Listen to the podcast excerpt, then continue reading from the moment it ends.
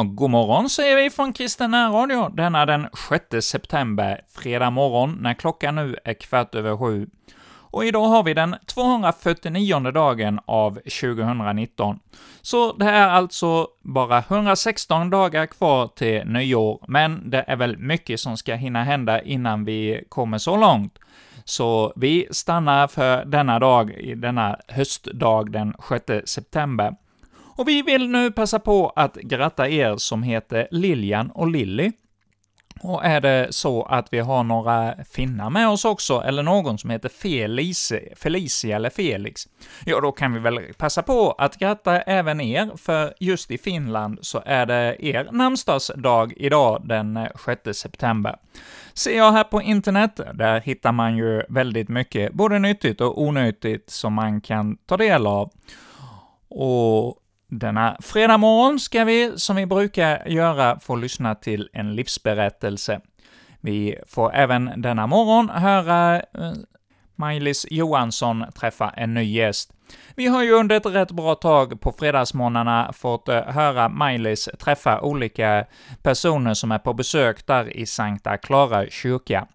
Och idag är det Marianne Lidskog som kommer att intervjuas av Maj-Lis, och vi säger nu ifrån Kristen Radio välkommen till er alla att vara med och lyssna till denna intervju. Jag blev accepterad som den jag var, med den ryggsäck som jag hade, så upplevde jag bara att Jesus tog emot mig. Röster från Sankta Clara med Maj-Lis Johansson. Välkommen till Sankta Clara kyrka och till Klara Röster. Idag ska jag intervjua Marianne Lidskog. Hon är faktiskt gift med en av våra fina präster, Nils Lidskog, som du också redan har hört. Och idag ska hon själv få berätta vad hon ska berätta. Varsågod och börja. Tack Maj-Lis. Jag vill börja med ett bibelord. Ty Gud är den som verkar i er, både vilja och gärning, för att hans goda vilja ska ske. Det står i Filipperbrevet 2 och 13. Om jag ska berätta om mig själv så är jag född och uppväxt i en liten by i Dalarna. Eftersom det fanns många kristna i min släkt så fick jag tidigt följa med till olika gudstjänster och läger där jag lärde mig om Jesus. Men min familj splittrades när jag var 12 år och min mamma och jag försökte ta oss fram i livet så gott vi kunde. Den yttre idyllen i Dalarna försvann snabbt och jag insåg snart att jag var helt beroende av Gud för att klara mig. Jag var tvungen att lära mig tidigt att lita på Gud, att han skulle ta hand om mig. Jag tänkte att det var ingen annan riktigt som skulle kunna göra det. När jag var 15 år, då kom jag till en flickskola och på fasaden på flickskolan så var det inristat att frukta Herren är början till kunskap. Jag läste det i Ordspråksboken, i Bibeln, och det är en bok där det står att man inte ska glömma Bibelns undervisning och att man ska leta efter den undervisningen som efter en skatt. För det är Herren som ger vishet och från hans mun kommer kunskap och förstånd. Och där får man visa råd. För då ska vishet komma in i ditt hjärta. Kunskap ska bli ljuvlig för din själ. Eftertänksamhet ska bevara dig och klokhet ska beskydda dig.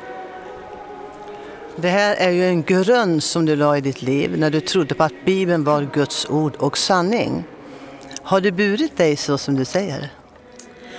Det har burit mig och jag tänkte tidigt att jag kunde inte ha råd att sväva ut i livet och prova saker. Att prova, det är ju att eh, få fakta. Vi provar att Guds ord är sant. Om man inte provar så vet man inte. Men det gjorde du, fast du var, du var väldigt ung. Hur gammal var du då? Jag var i yngre tonåren och ibland satte jag mig vid pianot och så sjöng jag Sven Lidmans sång. Osalighet och gåtfullhet. Sen sjöng jag med hela hjärtan. Jag svär dig trohet, ödmjukhet och lydnad in till döden. Jag har märkt att eh, barnabönen och föräldrars bön och föräldrars sånger bär en hela livet och vi kan dem ganska bra, de här texterna också. För det var ju det som vi kanske saknade, att vi vill ha kvar de här texterna i salmer och i frikyrkomusik. Min pappa var en pastor en gång i tiden men lämnade Gud och lämnade familjen. Så man skulle kunna tänka att jag, skulle, ja, jag hade chans att bli bitter och säga jag vände Gud ryggen men istället såg jag vad som händer när du lämnar Gud. Det blir inte bra. Så därför sökte jag honom ännu mer och jag kände att Gud gav mig så mycket. När jag under gymnasietiden till exempel fick ett stipendium ett år i USA så kom jag till en härlig kristen familj. Men när jag skulle sen gå gymnasiet och efter studenten så hade jag en stark känsla av att det är mer. Hur ska jag vara kristen på måndag? Att jag verkligen ville inte ha en söndagskristendom utan jag ville veta och jag tänkte det här är den första frågan jag måste reda ut i mitt liv. Jag hade tagit studenten med goda betyg och hade kommit in på universitetet. Men jag skrev till universitetet och sa att jag ville söka Gud, Guds rike först. För jag hade ju läst då, sök först Guds rike och hans rättfärdighet. Så ska ni få allt det andra också, det hade jag läst i Matteus 6.33. Och då hade jag hört talas om en kvinna i Puerto Rico i Västindien som hade ett barnhem och ett fängelsearbete där. Och jag tänkte att där, där ska jag nog kunna liksom se vem Gud är. Så genom olika kontakter då så fick jag kontakt med henne. Och eh, vi var fyra unga tjejer där som skulle ta hand om 60 barn som var från slum, slummen. Och ibland eh, så klagade vi och vi, det var svårt alltså, som ung tjej att sträcka sig så där långt liksom, och ta hand om folk och komma in i fängelser. Men ofta så kom det dit en spetälsk man och la sig på knä och bad. Han sa inte till någon, han eh, pratade inte sådär, utan han kom och la sig på knä och vi så tackade han Gud för att han har blivit helad från spetälska. Och så gick han. Men en dag när jag sprang förbi honom, när han låg på knä, så stoppade han mig och sa Vad ni än gör, gör det av hjärtat så som ni tjänar Herren och inte människor. Det var ett citat från Kolosserbrevet 3, kapitel 3, vers 23. Alltså det gick som en pil rakt igenom mig. Att jag skulle känna Gud på ett annat sätt. Inte, ja, man gör liksom vad människor ber en om eller något sånt där. Men man har inte alltid den där rätt fokus, att jag tjänar Herren. Och det skrev jag ner och det är en lapp som jag hade med mig i hela mitt arbetsliv, skulle jag nog vilja säga. Att vara uppmärksam på att inte tjäna människor så där direkt. Det är klart man gör på ett sätt, men, men också ha fokus på Herren. När jag kom tillbaka till Sverige från den här tiden så kom jag till Socialhögskolan och tillsammans med en annan kristen tjej så skrev jag en uppsats som hette Möte med Jesus. Och det här får ni tänka då var 60 70-tal, början på 70-tal. Det var kommunistvindar nästan som blåste på universiteten. Väldigt stark dominerande vänsterrörelse. Men vi skrev den här om hippiefolk och drogmissbrukare som jag hade varit i Kalifornien och intervjuat. Hur de blev fria från missbruk och mötte Jesus. Och det blev väldigt tyst i, i salen när presentationen var slut. Men då kom mitt arbete där i Puerto Rico till pass på något sätt för jag kunde berätta om vad jag hade gjort där. Att jag hade kunnat jobba med fängelse, folk i fängelse och med barnen till dem. Och på något sätt så tog de emot budskapet. Och det var härligt helt enkelt. Men eftersom jag var intresserad av utvecklingsfrågor och bidra med någonting i livet så började jag på Sida. Och de skickade mig ganska snart till södra Afrika där jag fick jobba med apartheidfrågor bland annat. Och jag blev väldigt tagen av det. Man är ung och tar till sig och det var ju en enorm orättvisa med apartheid. Jag läste på alla de här skyltarna att eh, endast för vita och endast vita får gå på den här toaletten, endast vita får sitta på den här bänken och så vidare. Så att jag ägnade, kan man säga, de första sju åren av mitt arbetsliv att vara engagerad i de här frågorna och reste fram och tillbaka till södra Afrika. Och, eh, jag skickades också till Latinamerika av regeringen då på början på 70-talet. Efter kuppen i Chile var det stora flyktingströmmar och jag blev engagerad där. Men när jag tänker tillbaka på hur man klarar sig så kommer jag ihåg tre kvinnor som bad för mig hela tiden. De fastade och bad, de här kvinnorna i Stockholm. Och jag känner att jag blev bevarad och klarade mig genom många olika saker, genom de här förbönerna. Det som slår mig är du blev alltså ett skilsmässobarn och vi har så oerhört många skilsmässobarn i Sverige idag som lider verkligen. Du hade ett beslut i ditt hjärta. Du skulle inte bli bitter. Du beslutade för att gå vidare trots en pappa som var pastor, lämnade indirekt Gud och familjen och det var en tragedi. Ja, och det är underbart att veta. Men det var ditt beslut som höll. För varför har du vänt Gud ryggen när Jesus han står kvar? Kom tillbaks svenska folk, för han står kvar. När man hör den här berättelsen, vilka fantastiska vägar Gud öppnar för dig. Du kom alltså rätt. Det betyder att vi kristna måste ha kvar hjärtat som du hade. Och har vi kvar hjärtat för Jesus, då kommer vi rätt också. Och det märkliga är att de, som vi brukar prata om, de här grenarna i Kristi kropp, det fick vara många grenar och är det än idag. Fortsätt att berätta, det är intressant att höra. Ja, det var... Jag kom sen och bli erbjuden tjänst på utrikesdepartementet efter Sida. Direkt jag gick från Sida, en tjänst i Angola under krig också som jag var. Men jag kom också att få upp ögonen på en eh, konferens om Israel i Södermalmskyrkan. Och då undrade jag vad Gud ville med det och jag kände att eh, det var någonting som jag borde öppna mig för och jag frågade Gud, vad är det? Och genom en märklig händelse så kom jag få ett vikariat i Israel bara några dagar efter jag hade ställt frågan och drog den slutsatsen att det ligger på Guds hjärta verkligen. Så jag kom till Israel och den tiden blev väldigt viktig. Det blev som ett uppvaknande faktiskt. Eh, som att man har kommit hem efter en lång resa. Och när jag kom tillbaka till Sverige så vet jag att jag satte mig och stickade en blåvit tröja åt en kvinna som var överlevande från Auschwitz och som jag hade jobbat med då. Mina ögon öppnades då för vad som hade hänt judarna och jag ville, hade en sån längtan att få stå på deras sida och vara en av dem. Men i slutet av 90-talet då flyttade min man Nils och våra tre barn till Kuba där jag arbetar på den svenska ambassaden och Nils han blev deltidspastor i en internationell kristen grupp.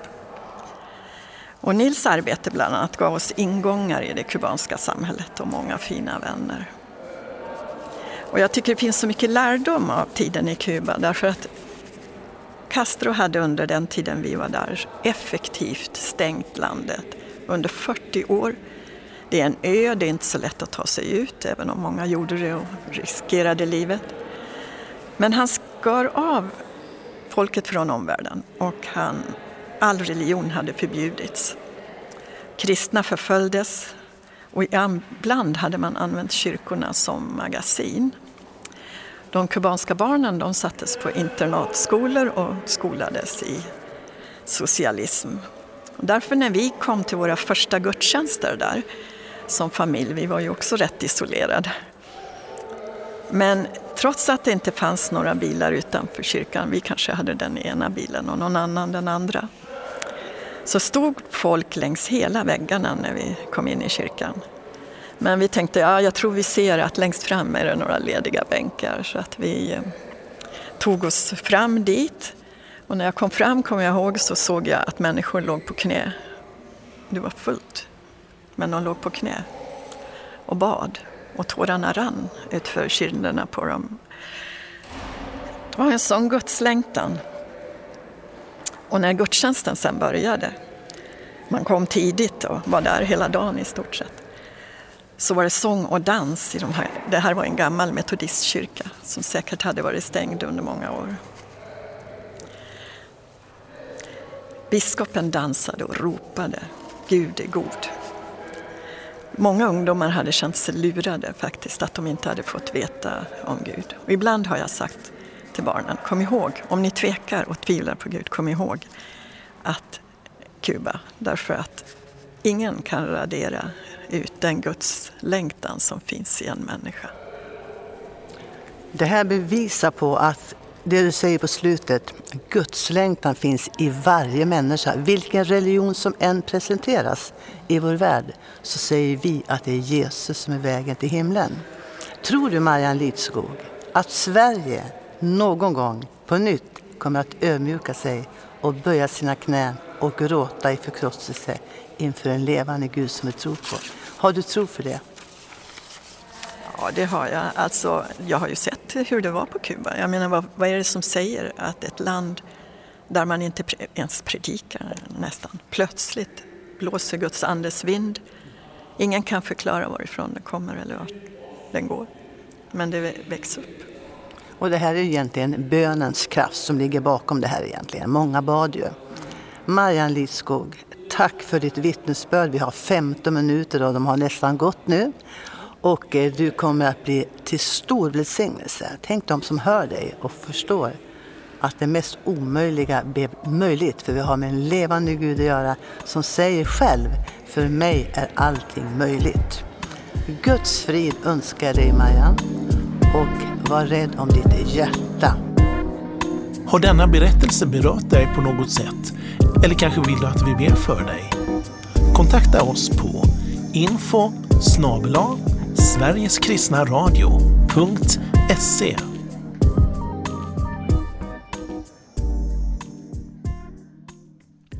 Ja, vi har fått lyssna till Klara röster här på 102,4 i Kristen radios morgonsändning denna fredag morgon. Och innan vi får lyssna till dagens avsnitt ur Matteusevangeliet så ska vi få höra Johan Sigvardsson från Vimmerby som kommer att sjunga för oss dag efter dag, som handlar om att vi varje dag får fråga efter Herrens vilja och följa i hans fotspår. Det som just vi hörde i samtalet här mellan Maj-Lis och Marianne. Och vi lyssnar nu till eh, Johan Sigvardsson, och efter det så blir det Mats Sundman som läste det tredje kapitlet av Matteus evangeliet.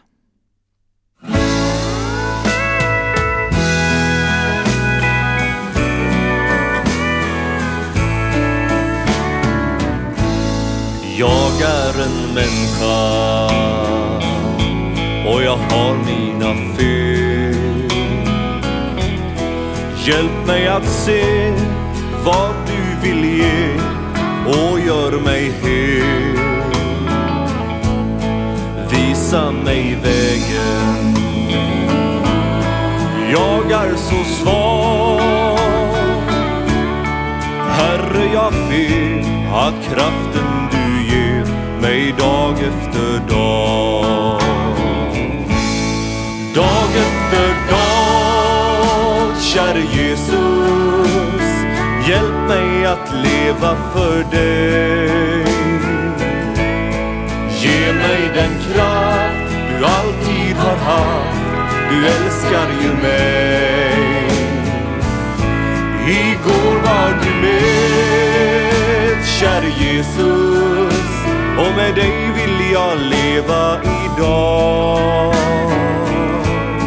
Herre, jag ber att kraften du ger mig dag efter dag.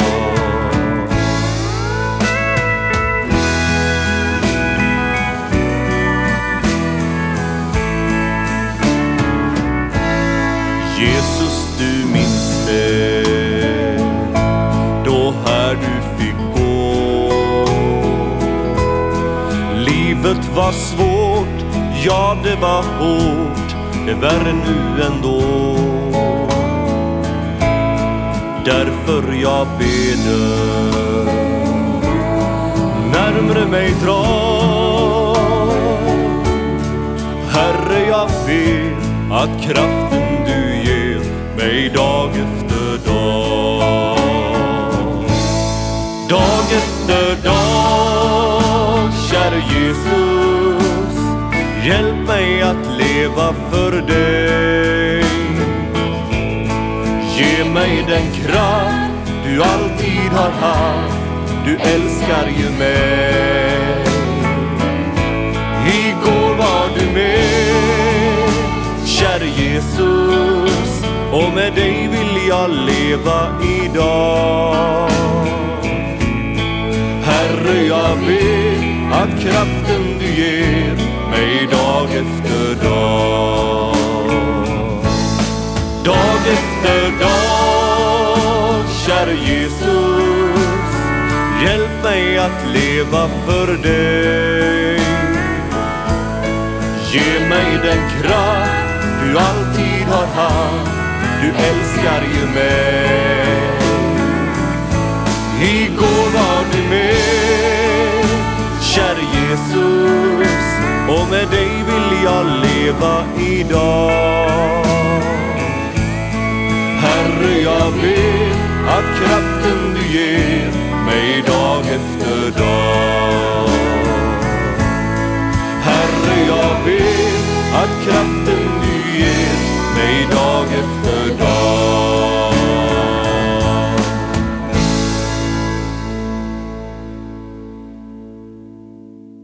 Vid den tiden uppträdde Johannes döparen i Judeens öken och förkunnade Omvänd er, himmelriket är nära. Det är om honom det heter hos profeten Jesaja. En röst ropar i öknen. Bana väg för Herren, gör hans stigar raka. Johannes bar kläder av kamelhår och hade ett läderbälte om livet. Hans föda var gräshoppor och vildhonung. Folket i Jerusalem och hela Judeen och trakten kring Jordan kom ut till honom och de bekände sina synder och döptes av honom i Jordan. När han såg att många fariseer och saduker kom för att bli döpta sa han till dem. Huggormsyngel, vem har sagt er att ni kan slippa undan den kommande vreden? Bär då sådan frukt som hör till omvändelsen och tro inte att ni bara kan säga er vi har Abraham till fader. Jag säger er att Gud kan uppväcka barn åt Abraham ur dessa stenar. Redan är yxan satt till roten på trädet. Varje träd som inte bär god frukt ska huggas bort och kastas i elden. Jag döper er med vatten för omvändelsens skull, men han som kommer efter mig är starkare än jag och jag är inte värdig att ta av honom hans sandaler. Han ska döpa er med helig ande och eld. Han har kastskoveln i handen och skall rensa den tröskade säden och samla vetet i sin lada. Men agnarna ska han bränna i en eld som aldrig slocknar. Sedan kom Jesus från Galileen till Johannes vid Jordan för att döpas av honom. Men Johannes ville hindra honom och sa Det är jag som behöver döpas av dig och nu kommer du till mig. Jesus svarade Låt det ske. Det är så vi ska uppfylla allt som hör till rättfärdigheten. Då lät han det ske. När Jesus hade blivit döpt steg han genast upp ur vattnet. Himlen öppnade sig och han såg Guds ande komma ner som en duva och sänka sig över honom. Och en röst från himlen sa Detta är min älskade son. Han är min utvalde. Denna fredag morgon har vi nu fått lyssna till det tredje kapitlet av Matteus evangeliet. Det var Mats Sundman som läste för oss om eh, hur eh, Matteus berättar om eh, Johannes döparen och hans liv. Ett spännande liv med många olika delar, och eh, vi får alla ta till oss av detta budskap denna morgon. Låt oss nu avsluta vårt morgonprogram med en bön. Ja, käre himmelske Far, Vi tackar dig för denna, denna dag som du har gett oss, och tack för bibelordet som vi fick del av ifrån Matteusevangeliet. Skriv du det in i våra hjärtan idag, att vi får ta till oss av detta ditt budskap om din tjänare Johannes döparen. Ja, Herre, låt hans vittnesbörd få bli ett eh, styng i våra hjärtan, att vi också tar till oss av Johannes budskap och håller oss nära det Guds lamm som eh, Johannes pekar på. Ja, Herre, led du oss. Och vi fortsätter vår bönestund med att eh, Josefin sjunger en sång om bön om hjälp. Hey.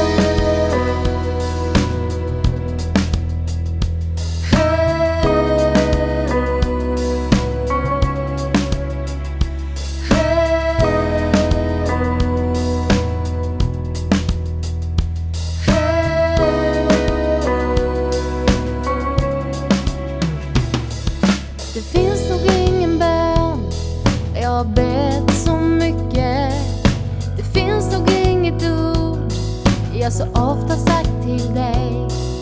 Ett litet ord som säger mycket mer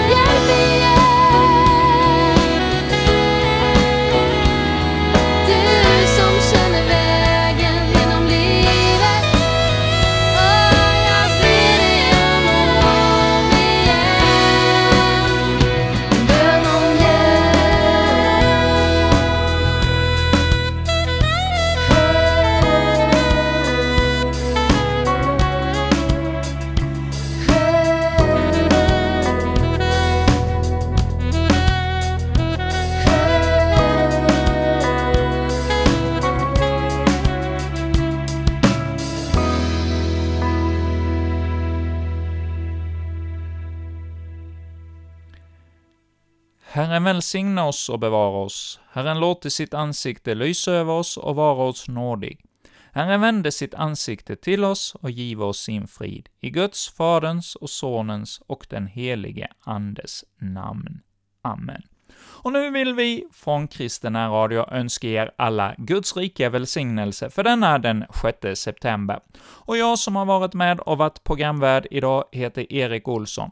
Och vi från Kristen Radio, ja, vi återkommer igen ikväll klockan 19 med Johan Nilssons musikblandning Mixtape, och så klockan 20 blir det ett nytt avsnitt ifrån bibelstudieserien med radiopastor Kurt Westman. Och så vid halv nio blir det Oändlig nåd med Karin Brav och kvällen avslutas med aftonbön. Med detta säger vi tack för denna morgon.